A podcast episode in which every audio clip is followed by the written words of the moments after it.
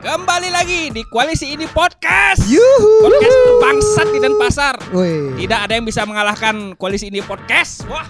Sengak tetap nomor satu ya. Oh ya. Ada yang bisa ngalahin Baskara?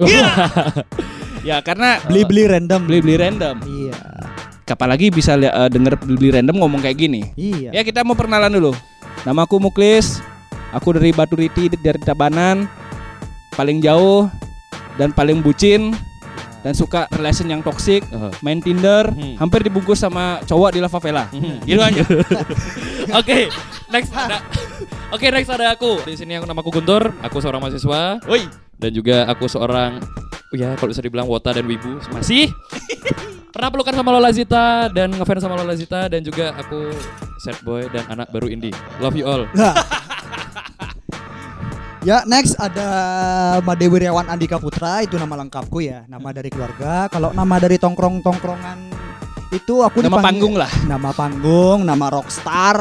Kesayangan. kesayangan Opang Danger. Yo. Opang Danger. Biasa kan aku dikenal dengan Opang aja. Sekarang gara-gara di Instagram isi Opang Danger.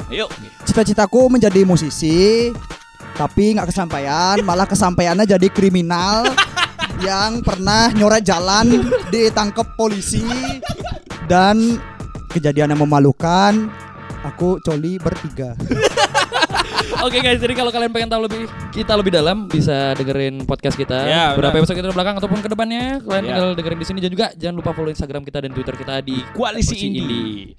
Ciao guys. Yo. Yo.